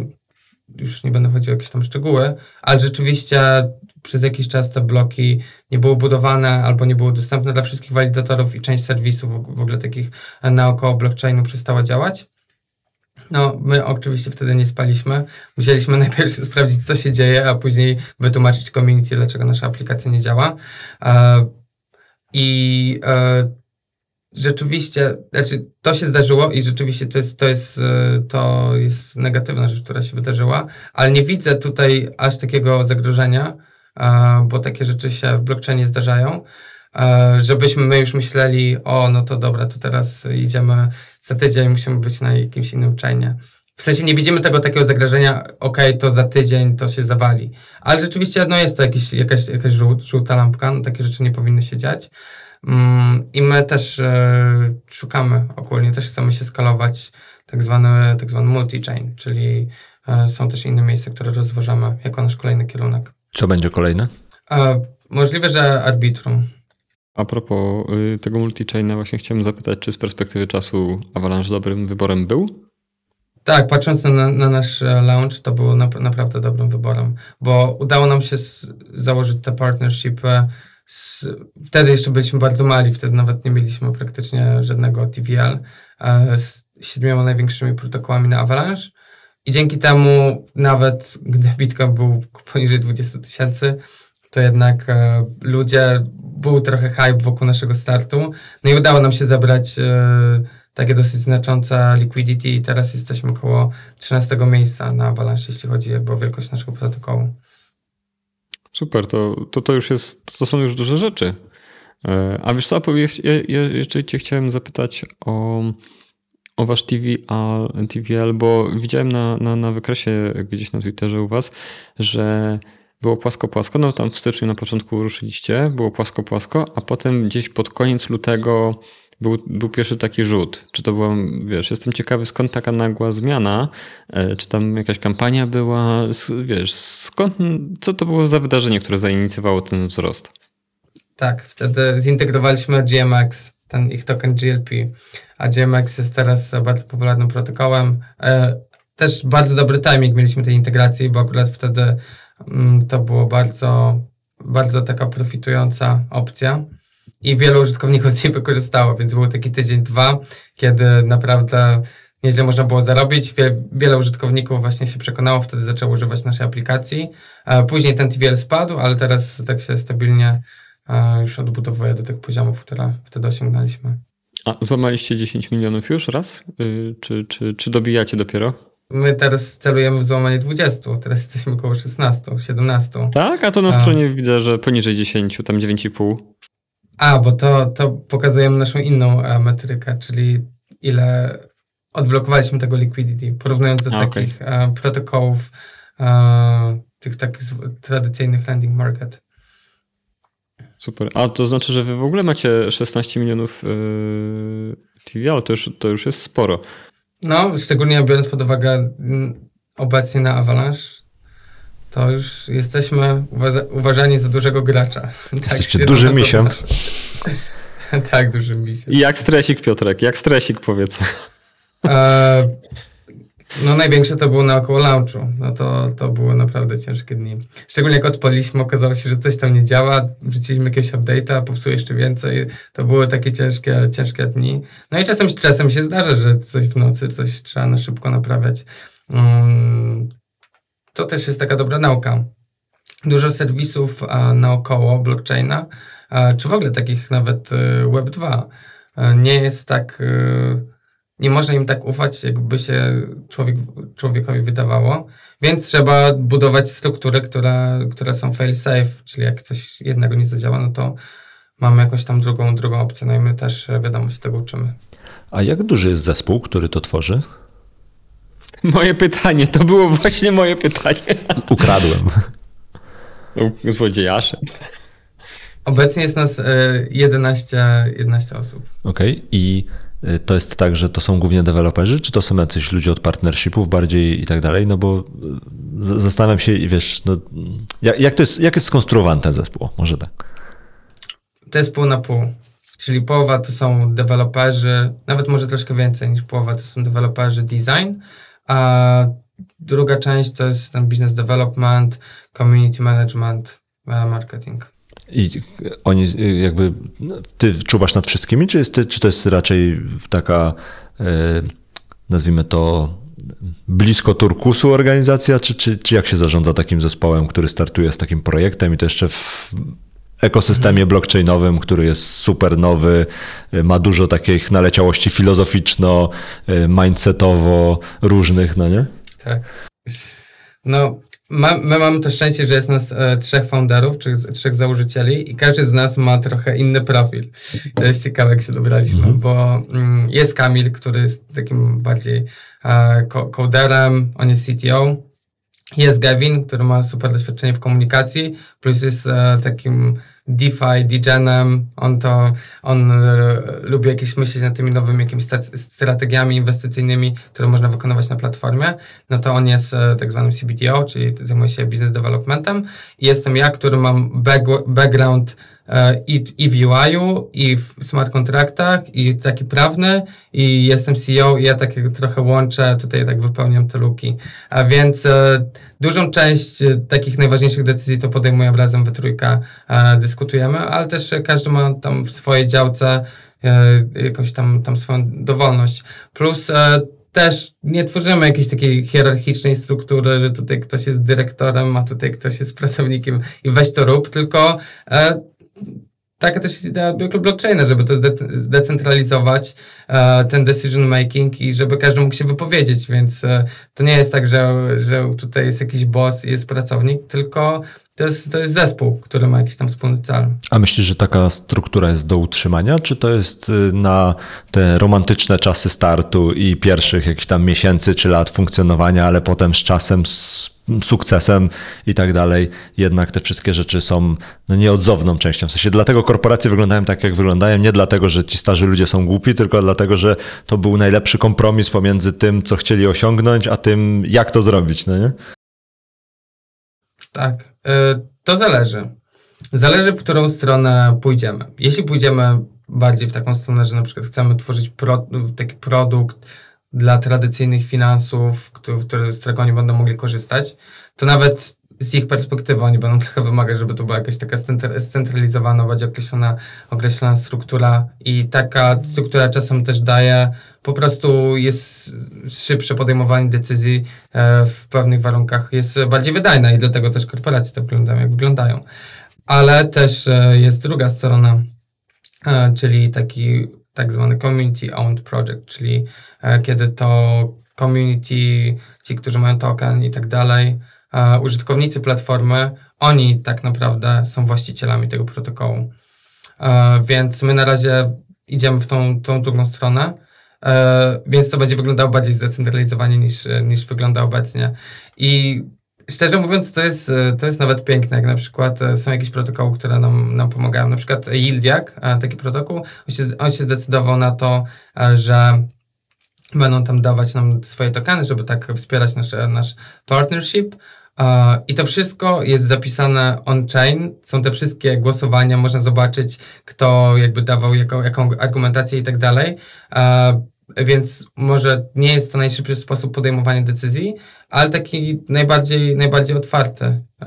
I myślę, że e, takie rozwiązania to, to jest fajna alternatywa dla takich tradycyjnych struktur. Mm -hmm firmowych. A myśleliście o czymś takim, to kiedyś z Maćkiem o tym rozmawialiśmy, że e, hipoteza była taka, że w ogóle w krypto brakuje tak zwanego komponentu siwego włosa, czyli ludzie, którzy już w obszarze powiedzmy sobie tam finansów zjedli zęby, widzieli te wszystkie tematy i tak naprawdę jak oni patrzą na krypto, no to patrzą na to z takiej perspektywy, że a, Dzieciaki idą po naszych śladach i potykają się o te same korzenie i, te, i, robią te same błędy, które my.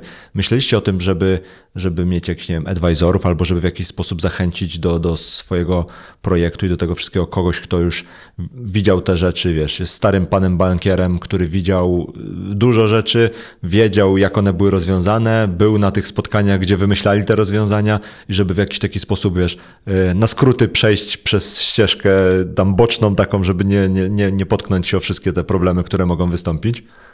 Ten komponent e, siwego włosa, że tak powiem, już mamy w zespole. Mamy e, jednego advisora, który e, w takich tradycyjnych finansach e, bardziej zajmował się e, tam managementem w takim funduszu. I powiem szczerze, tak, to jest e, to jest super jakby kopalnia, kopalnia wiedzy dla nas. I totalnie się z Tobą zgadzam. My wystartowaliśmy bez, bez takiego bezpośredniego advisora. Mieliśmy takich trochę ludzi naokoło, ale nie takich bezpośrednio z tradycyjnych finansów.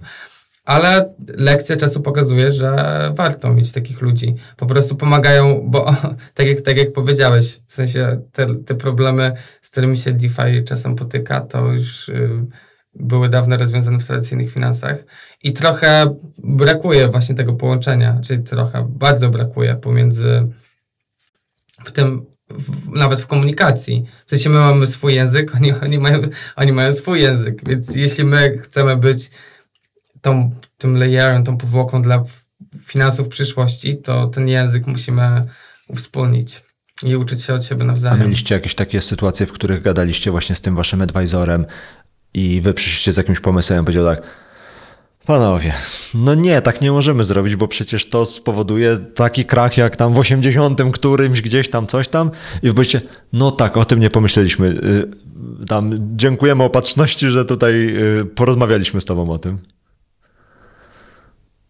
Na razie jeszcze aż takiego nie mieliśmy, ale on na przykład doradza nam e, u nas, bo to jeszcze o tym, o tym tam nie wspominałem, ale e, właśnie to, ile się płaci za tą pożyczkę, jakie tam jest oprocentowanie, to zależy od tego, jak, e, ile jakby tokenów jest już wypożyczonych. Czyli na przykład mamy token, mamy jakąś ten pool, on ma 1000 tokenów, to jeśli 10 jest wypożyczonych, to oprocentowanie jest dużo e, mniejsze niż jak 900 dlatego że zawsze chcemy mieć tam troszkę wolnego tego, tego kapitału, depozytor, depozytor, depozytor sorry, zaczęli wyciągać.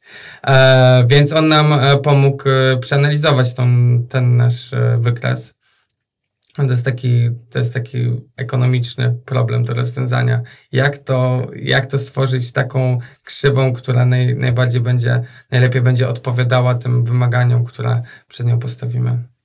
A Piotrek, macie kilku właśnie advisorów, jak tam sprawdziłem na waszej stronie. E, jaka była geneza? E, no tam wiem, że pewnie jakieś e, hi historie wspólnych, wspólnych projektów, ale jestem właśnie ciekawy, jaka była geneza, jak wy doszliście do takiego wniosku, że warto mieć takiego advisora, doradcę właśnie z takiego bardziej może świata nudno-offline'owego powiedzmy o którym właśnie teraz o tym, o tym doradcy powiedziałeś. Czy to był wasz pomysł, czy ktoś wam podpowiedział, chłopaki, weźcie sobie kogoś mądrego, takiego z tego świata e, tradycyjnych instrumentów, funduszy, prawa? Ja to słyszałem wiele razy, e, że to takie, takie podpowiedzi i to, to się już coraz e, częściej słyszy może tam półtorej czy tam dwa lata temu, jak to wszystko było takie nowe, każdy był zhypowany, to o, o, super, wszystko działa, ale później wiadomo, wiele projektów się posypało, dlatego że ekonomicznie w ogóle nie miały, nie miały sensu yy, i czasem hype może to przykryć, ale hype się zawsze kiedyś kończy. Ale też e, osobiście widzieliśmy taką potrzebę. Ja na przykład, no, czułem, że ok, są, są rzeczy, które możemy sobie, że tak powiem, inżyniersko, programistycznie E, oszacować, ale jak ktoś zerknie na to z takim doświadczeniem e, z, z branży, w której właśnie się rozwiązuje takie problemy, to na pewno może coś ciekawego powiedzieć i może nawet nas pokierować w jakimś lepszym kierunku. Mhm. A jak znajduje się taką osobę? A to, to zależy na którym etapie projektu. Teraz e, to takie osoby same często. Teraz to za pieniądze. Nas.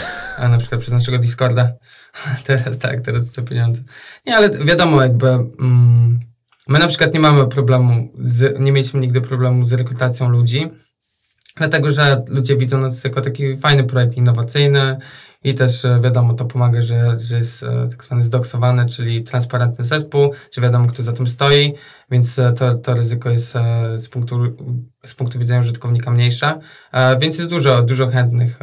No teraz to wiadomo, teraz wszyscy zaczęli zwalniać, to, to, to wszędzie jest, znaczy dużo łatwiej jest na przykład znaleźć deweloperów niż, niż to było wcześniej, ale ale my przez praktycznie przez żaden okres nie mieliśmy problemu, żeby zatrudnić kogoś, jeśli mieliśmy jakiś wakant. A jak patrzycie teraz na taką dającą się przewidzieć przyszłość, jeżeli w ogóle jest jakaś przyszłość, którą da się przewidzieć, no powiedzmy sobie taki krótki termin, pół roku, rok, to co, co, co jest teraz takim wyzwaniem, które, albo wyzwaniami, które przed wami stoją i takie, no nie chcę powiedzieć, że spędzają wam sens powiek, ale takie, że no to jest co, to, to teraz, teraz jakiś problem albo jakieś takie właśnie wyzwanie, z którym musimy się zmierzyć, to jest boss, którego musimy pokonać na najbliższym półroczu albo trochę dalej niż półroczu. No, prawdopodobnie w tym roku wypuścimy nasz token. To będzie e, największy boss bo produkt mamy, produkt jest używany, ludzie go lubią i są w stanie za niego zapłacić.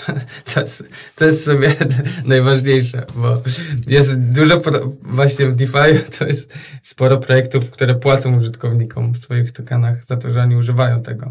A my mamy odwrotne, odwrotne podejście. Może właśnie to jest ten wpływ siwego włosa. Więc y, token jest y, czymś, co może wynieść nasz, toka, nasz projekt jeszcze bardziej na wyżynę, a może też pogrążyć. Jeśli go, jeśli go źle, na przykład źle przygotuje, przygotujemy release tego tokena, czyli na przykład wypuścimy za dużo tego liquidity, e, te ludzie zaczną, ludzie zaczną sprzedawać. E, teraz ostatnio widzieliśmy ten, to TG uh, Arbitrum, tego to, tokena ARP. Nie było takie spektakularne, jak ludzie się spodziewali bo nie było też dobrze, dobrze przygotowane tam. Znaczy, nie wiem, jaki, jaki oni mieli tam. Kręcenia było dużo. Tak, nie wiem, jaki on, właśnie co oni chcieli osiągnąć. E, to też, też właśnie co, co jakby stało za tym. No ale ten, ten airdrop tego tokena był, był ogromny i później wszyscy zaczęli sprzedawać. No my chcemy uniknąć takiego, tego, tego, między innymi przez to, że token od pierwszego dnia będzie miał jakieś zastosowanie w naszym systemie ale to jest, to jest na pewno największe wyzwanie. Czyli mm, ja sobie myślę, że znowu nie będzie spanka w nocy, bo będzie premiera tokenu, a, a, a dwa, po co chcecie ten token wypuścić? Token y, będzie taką częścią tego systemu, która odpowiada temu, co mówimy, właśnie ta Prime, część w naszym Delta Prime. Czyli dzięki temu tokenowi nasi użytkownicy będą mieli dostęp do jakichś takich bardziej zaawansowanych opcji inwestycyjnych na przykład będą mieli dostęp do opcji, e, które, które będziemy integrować, albo na przykład e, tam większy lewar, albo takie, e, takie lepsze farmy i tak dalej.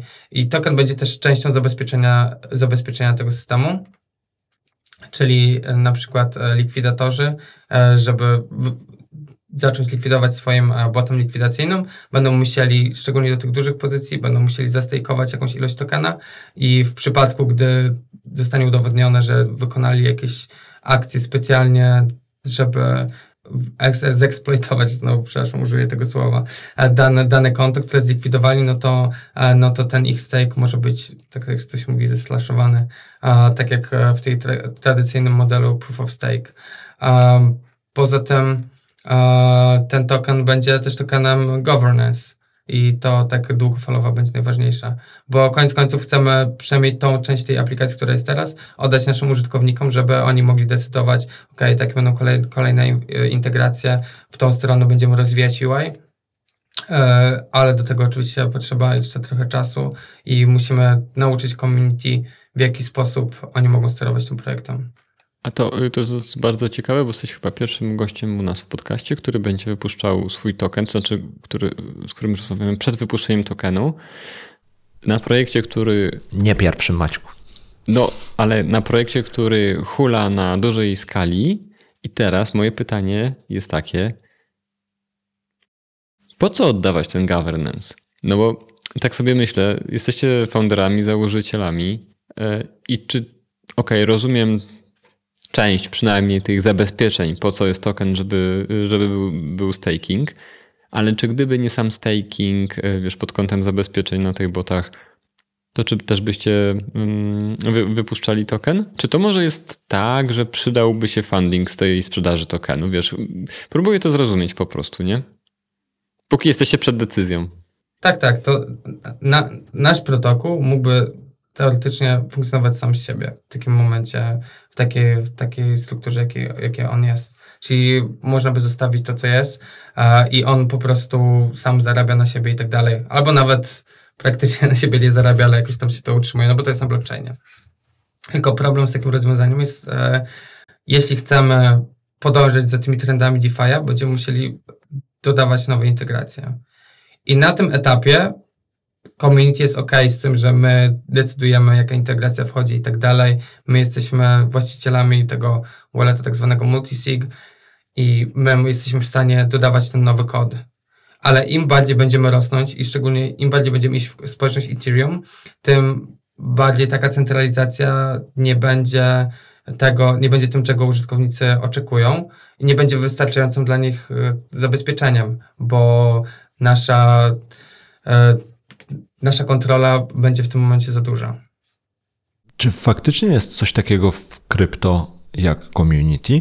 Bo Zastanawiam się, czy faktycznie jest tak, że to community, o którym tak mówisz, to to, to jest mm, taka społeczność, która faktycznie istnieje i, i, w jakiś sposób przejmuje się faktem istnienia danego protokołu, czy to jest bardziej y, taka przemieszczająca się masa ludzi w poszukiwaniu nowego miejsca, które da jakieś, y, da zarobić w jakikolwiek sposób, y, która przez jakiś czas po prostu rozumie, że musi wykonywać pewne rzeczy i grać w pewną grę taką E, bardziej społeczno-socjalną, e, żeby wiesz, żeby w którymś momencie dostać właśnie na przykład airdropa, albo żeby dostać jakiś tam inny incentive z tego, że tam się angażuje, a potem jak już to się wydarzy, to dziękuję, lecimy gdzieś dalej i wiesz, taka, mhm, taka watacha, tak, która tak. chodzi i po prostu wyjada te tokeny, które gdzieś tam są obiecane w daleko. E, tak, to po pierwsze, jakby nikt tak totalnie, znaczy mało kto tak totalnie za darmo tego nie robi, w sensie community ma jakieś oczekiwania, ale dużo zależy właśnie od jakości tego community. I zapraszam na, na, naszego Discorda. W sensie tam można zobaczyć, że to community rzeczywiście żyje i rzeczywiście to nie jest tylko when token, kiedy token i tak dalej, tylko e, ci użytkownicy naprawdę są zainteresowani protokołem i dają dużo takiego fajnego feedbacku i odnośnie bugów, i odnośnie jakichś nowych funkcjonalności i ostatnio też zaczęli nawet coś tam kodować, jakieś tam bugi sami poprawiać, więc to community jest zainteresowane i oni, oni tak chcą przejąć trochę ten projekt i oni chcą mieć e, tutaj, mieć tutaj swój udział. I wiele jest e, zdecentralizowanych projektów, które, e, które tak działają i to już na taką, na taką większą skalę niż my, czyli tam każda zmiana to jest jakiś proposal, na którym e, ludzie, którzy mają te tokeny danego protokołu, e, mogą, mogą głosować za albo przeciw. A powiedz, jak rozwiążecie, albo jak się rozwiązuje taki problem, że coś się wysypało, coś się zeksploitowało samo, no i trzeba podjąć jakąś niewygodną decyzję. I jest community, y, jest governance, bo był token i tak dalej. No jak żyć?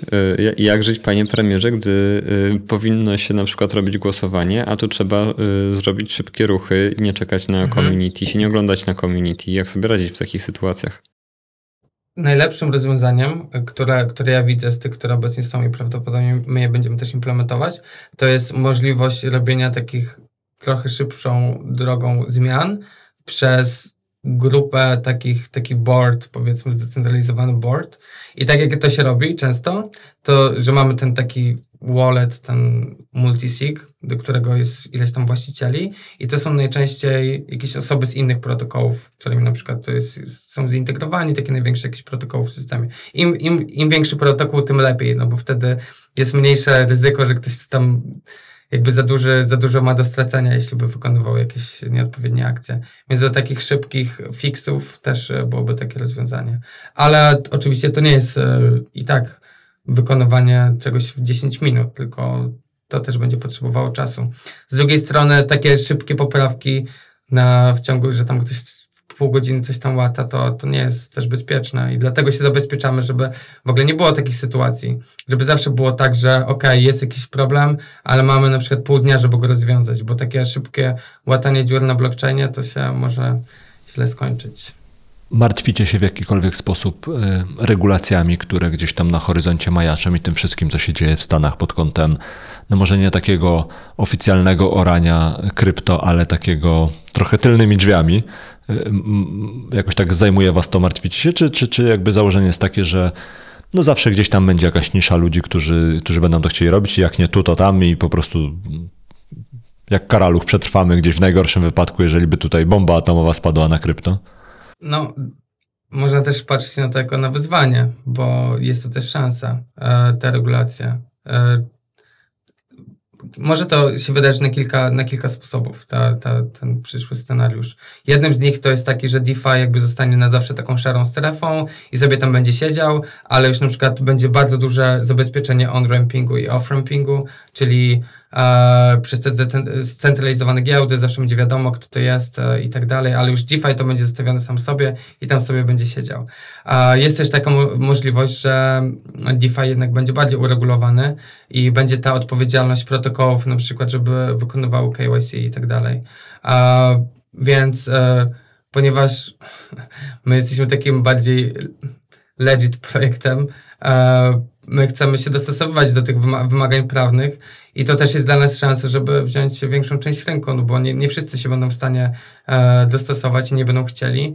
E, my chcemy być jednak, e, jak to się mówi, compliant. Zgodnymi z tak, zgodnymi wytycznymi, z wytycznymi. tak? Czasem brakuje mi polskich słów. Nie, no wiesz, to jakby naturalny jest, bo w tym środowisku no jakby nie operuje się po polsku praktycznie. No tak, no tak. Ale, I tak sobie ale, dobrze radzisz. Ale, ale A z, którymi, y, a z którymi wytycznymi? No bo wiesz, inne są gdzieś w Azji, inne są w Stanach, znaczy w Stanach to nie ma, y, inne są tutaj w Europie gdzieś tam, ale one się urodzą pewnie za 10 lat i jeszcze przez następne 10 będą potem poprawiane i zmieniane. W sensie, z czym tu być compliant, żeby, żeby tu jakoś funkcjonować na powierzchni? Mhm. E, to na pewno z największymi tymi e, ktoś mówi jurysdykcjami, czyli Stany Zjednoczone, Europa i tam najbardziej znaczące kraje Azji. A reszta najczęściej to jest tak, że po prostu te, te wymagania są podobne. Okej. Okay. A teraz, y, jak ruszaliście z projektem, to już mieliście przed sobą takie decyzje, które wymagały właśnie pod, podjęcia jakiejś decyzji na zasadzie, że ok, lokujemy się w Szwajcarii, Talinie, gdziekolwiek indziej, na takiej zasadzie, żeby w ogóle z tym wystartować, żeby z dniem startu nie zapukała jakaś policja skarbowa tak, albo coś tak, takiego? Dokładnie, dokładnie. E, też e, właśnie analizowaliśmy, jak, jak to wygląda, jak, jak to jest uregulowane w różnych państwach i wybraliśmy takie, które, które po prostu najlepiej e, się do tego nadawało. I co wybraliście z ciekawości? Brytyjskie Wyspy Dziewicze. Okej. Okay. Ciekawe. A co stało za tym, żeby faktycznie ich wybrać? W sensie zakładam, że no, to jest jakiś zestaw feature'ów, które mają brytyjskie Wyspy Dziewicze, ale, ale co, co was przekonało pod kątem tego, co wy robicie i tego planu, który macie na przyszłość? E, to jest dosyć uznawana jurysdykcja. W sensie to nie jest e, tak traktowane jak Panama czy Afryka, szczególnie jeśli chodzi o jakieś tam wymagania tego. Bahamy są podobno tak, popularne tak, ostatnio. Tak. I też to jest jurysdykcja, która reguluje e, jakieś działania związane z kryptowalutami czy, czy z Web3. Więc to nie jest, to nie jest jakiś tam dzikie, dziki kraj, w którym po prostu się, do którego się wszyscy przenoszą, a, a, z, a z drugiej strony jest taka działalność e, nieopodatkowana e, i uregulowana w taki sposób, e, powiedzmy, życiowy, czyli że, że jest możliwość takich protokołów jak nasz, żeby się to stosować tych wymagań. Okej. Okay. Okej. Okay. Tak już zmierzając ku końcowi, jak myślisz, Piotrek, tak z perspektywy naj, najbliższych tam, no nie wiem, powiedzmy kilku lat, ale przez kilka mam na myśli, nie wiem, bardziej dwa niż osiem, jak e, powiedzmy ta, ta Bessa zacznie się powoli kończyć, to jak myślisz, co zostanie z całego Web3? W sensie, ile z tych obietnic, które były pompowane i, i jakby wiesz, za które ludzie prawie że umierali w czasach, e, kiedy wszystko rosło, ile z tego zostanie i w jakim kształcie ten, ten rynek Web3 jakby będzie wchodził w kolejną hossę, jeżeli taka nastąpi? Myślę, że jeśli chodzi o taki przedział czasowy dwóch lat, to ten właśnie to KYC, AML, myślę, że to już, to już będzie na pewno jakoś w jakiś sposób e, rozwiązane, jakoś, jakoś tam będzie wymagane, więc to będzie już bardziej takie, znaczy na pewno będzie bardziej uregulowane, już będzie wiadomo, ok, kto gra czystą grę, a kto gra, kto gra nieczystą, a nie tak jak teraz, że tak naprawdę czasem, czasem nie wiadomo, jak do tego podchodzić, bo smart kontrakty nie są dobrze uregulowane prawnie. E, na pewno im dłużej czasu ta besta będzie trwała, tym więcej protokołów się tak powiedzmy brzydko wykrwawi, bo często często działa, działało dzięki, to, dzięki po prostu dzięki swojemu tokenowi, emitowały token, na tym zarabiały, no ale wiadomo, jeśli jest wpływ kapitału, to taki system działa. Jeśli nie ma wpływu, a też prowizje na przykład nie są pobierane albo są małe, nie są wystarczające, no to, to nie da się utrzymać takiego protokołu. Plus e, bardzo dużo jest tych forków, bardzo dużo jest takich bardzo podobnych protokołów, które właściwie nie rozwiązują żadnego nowego problemu. Więc mi się wydaje, że mm, szczególnie biorąc pod uwagę, że te regulacje wchodzą, to raczej zostaną tacy mniejsi gracze i tak jak ja to widzę, to że zamiast 50 bardzo podobnych protokołów będziemy mieli 10, ale z, z czego 3 będą w ogóle jakimś totalnie czymś nowym. Więc e, ten rynek stanie się ciekawszy, bardziej taki zróżnicowany pod względem tego, co te protokoły oferują.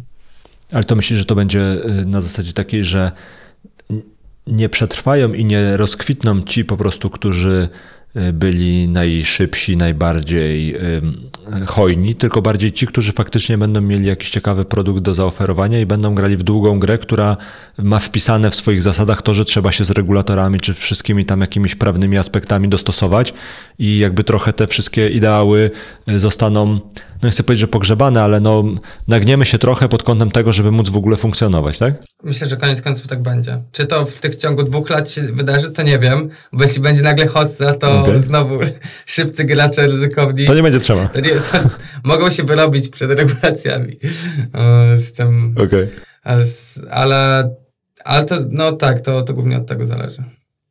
Ale koniec końców wygrają ci, co się, co, co się dostosują. Mhm to tak już zupełnie kończąc, powiedz proszę, tak, nie wiem, jeżeli macie jakieś zapotrzebowanie, chciałbyś z czymś zostawić naszych słuchaczy, takie dwie minutki, y, gdzie możesz powiedzieć albo zachęcić, albo zaprosić gdziekolwiek chcesz. Y, jeżeli jakieś linki, to ja je potem umieszczę w notatkach i tak dalej, i tak dalej. Super. Mm, bardzo zapraszamy wszystkich na naszego Discorda, na naszego Twittera, żeby stać się częścią tego community, o którym tutaj wspominałem. Jak to mówiłem, nasze community jest żywe i tam ciągle naszą aplikację sprawdza, wymyśla jakieś strategie, inwestuje tu, tam, a doradza. E, więc myślę, że to jest w ogóle fajne miejsce, żeby też się uczyć DeFi. E, I przychodzą tam ludzie z różnym doświadczeniem e, od zera do 100%, że tak powiem. Od wymiataczy do też takich, którzy po prostu są tam pierwszy raz i nawet nie wiedzą, jak e, działa AWE. Więc zapraszamy wszystkich i myślę, że to jest dobry moment, e, dobry taki punkt startowy, żeby później wypróbować naszą aplikację. Więc mamy te dwie strony e, dla depozytorów, dla, dla tych, którzy tak wolą bardziej się pobawić DeFi'em, czyli pożyczyć i coś, i coś zainwestować. Więc zapraszamy wszystkich i czekamy na Wasz feedback. Okej, okay. dobra Piotrek. To dzięki wielkie za rozmowę dzisiaj i do zobaczenia albo do usłyszenia. Zobaczymy, co szybciej się wydarzy. dzięki wielkie. Super, też bardzo dziękuję. Było mi bardzo miło. Trzymaj się. Pa. Dzięki.